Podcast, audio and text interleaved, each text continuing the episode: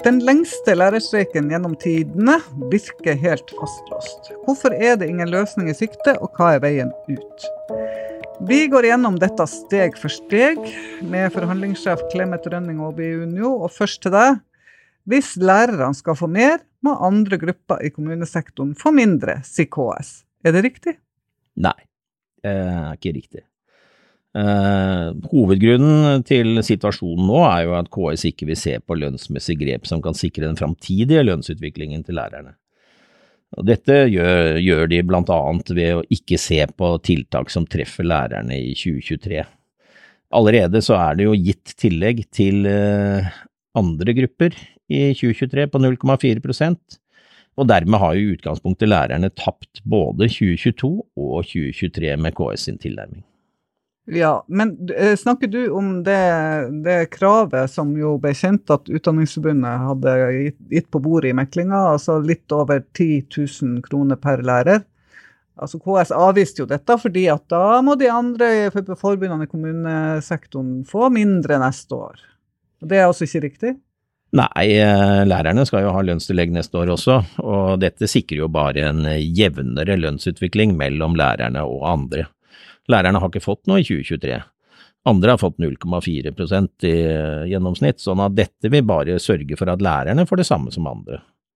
Utdanningsforbundets forslag vil gjøre faktisk oppgjøret billigere i 2022 og helt marginalt dyrere i 2023.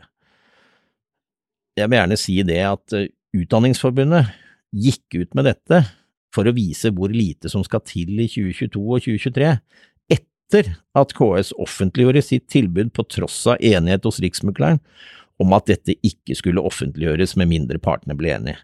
Dette var etter mitt syn et brudd på lang kutyme i bransjen og har komplisert situasjonen. Ja, og også kanskje gjort konfliktnivået noe høyere enn det i utgangspunktet var, kanskje? I hvert fall mer fastlåst. Mm. Du, den her reforhandlingsklausulen. Hvis lærerne får mer enn de andre, kan det åpne opp for at hele kommuneoppgjøret må startes på nytt igjen, sier KS. Det ønsker vel ikke Unio? Ja, det er jo ikke en riktig framstilling. Reforhandlingsklausul er jo en adgang til å ta opp eh, situasjonen hvis andre skulle få mer i, i en eller annen sammenheng. Mm. Eh, men den er, strekker seg jo ikke lenger enn til at KS kan gi et tilbud som er likelydende med det andre har fått. Det har ikke vært praktisert slik at dette er noe annet enn en sikring for en likelydende hovedtariffavtale i KS-området. Oppgjøret er ferdig for de forbund og sammenslutninger som har sagt ja. Det er ikke et betinget ja som eh, har noen betingelser ved seg som er rettslig bindende for KS. Så reforhandling er det ikke grunnlag for, med mindre KS gir dem en rett de ikke har. Mm. Og det vil være oppsiktsvekkende for KS, for da blir det aldri ferdig med lønnsoppgjøret i kommunesektoren. Nei, Så Fagforbundet eller Sykepleierforbundet kan ikke komme inn og si at ja, nei, men nå vil vi forhandle på nytt igjen? Det gir ikke grunnlag for nye forhandlinger, mekling og streik i det samme oppgjøret jo, altså, Klementær er jo litt rart, for det er jo sånn vi får det fremstilt i media og uh, sånn. Uh, er det helt feil, de tingene som kommer frem? Altså KS uttaler seg på forvirrende måte, vil jeg si, fordi det gir liksom grunnlag for masse forskjellige tolkninger. og vi har hatt en tallforvirring i ja. denne konflikten, som er en filibustertaktikk, sånn som jeg ser det. Altså Teknisk beregningsutvalg for inntektsoppgjørene, altså TBU, gir offisielle tall på vegne av alle tariffoppgjørene av, større, av større karakter i Norge. Eh, de leverer tall som er 90% KS og 10 eh, lærerstillinger i Oslo. Eh, tallene viser klart lavere lønnsvekst for undervisningsstillinger. Tall spesifikt for KS, som det tekniske beregnings- og statistikkutvalget for kommunesektoren viser, belyser jo og viser akkurat det samme. Men KS har klart å skape en eh, forvirring rundt eh, dette tallgrunnlaget som, eh, som er veldig problematisk. Altså Lærerne utgjør om lag en fjerdedel av arbeidsstokken i hele KS-området, og om lag 70% av lønnsmassen i ett av tre forvaltningsnivåer i Norge, nemlig fylkeskommunen. Mm.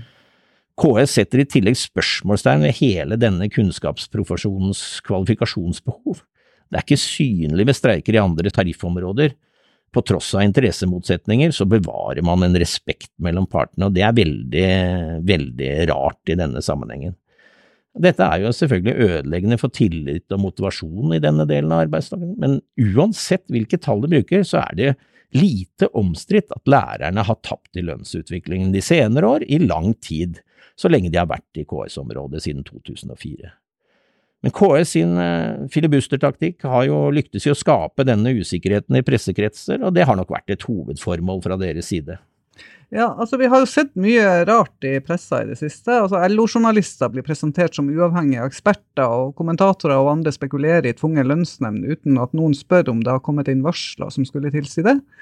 Eh, og hvorfor slipper både KS og politikere unna kritiske spørsmål? Er det motkrefter i spill her som på linje med det vi så under frontfagdiskusjoner?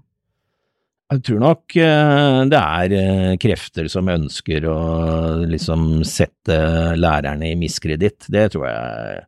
Og som har egeninteresse i sin andel av lønnsforhandlingspotten eh, både framover og i år og neste år. Sånn at det er ikke noe til å stikke under en stol at det er lett for de som ønsker å fremstille dette nøytralt, å ty til krefter som er eh, høyst involvert i en eller annen fasong. Og det gjør det jo komplisert for Utdanningsforbundet, det skal jeg ikke stikke under en stol. KS har jo et, et styre der kommunepolitikerne sitter. Eh, og KS sin retorikk mot lærerne og handlemåte, ikke bare i dette oppgjøret, men i flere på rad, eh, må vel ha en backing i styret, som, som jo altså består av politikere, og som ikke vil uttale seg for øvrig?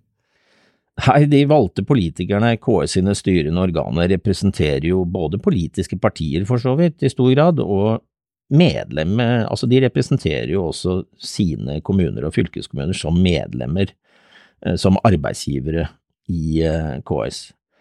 Det er sjelden åpenbare partipolitiske vurderinger i de rollene der, når KS opptrer som arbeidsgiverorganisasjon.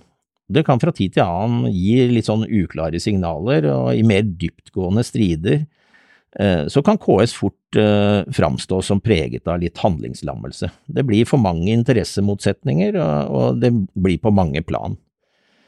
Det enkleste blir liksom ikke gjøre noe, og mye blir opp til administrasjonens taktikkeri og fronting i media, framfor å skjære igjennom ut fra politiske hensyn til beste for innbyggerne i kommuner og fylkeskommuner i vanskelige situasjoner. Det er jo litt rart, da. Her har vi eh, altså, ja, den største yrkesgruppa, som du sier, i kommunal sektor eh, som overhodet ikke har tillit til sin arbeidsgiver. Eh, og det her er på et eh, område hvor man ser eh, konsekvensene av det. Og så er det ingen eh, skolepolitikere og ingen i regjeringsapparatet som sier noe som helst, eller gjør noe som helst. I hvert fall ikke tilsynelatende.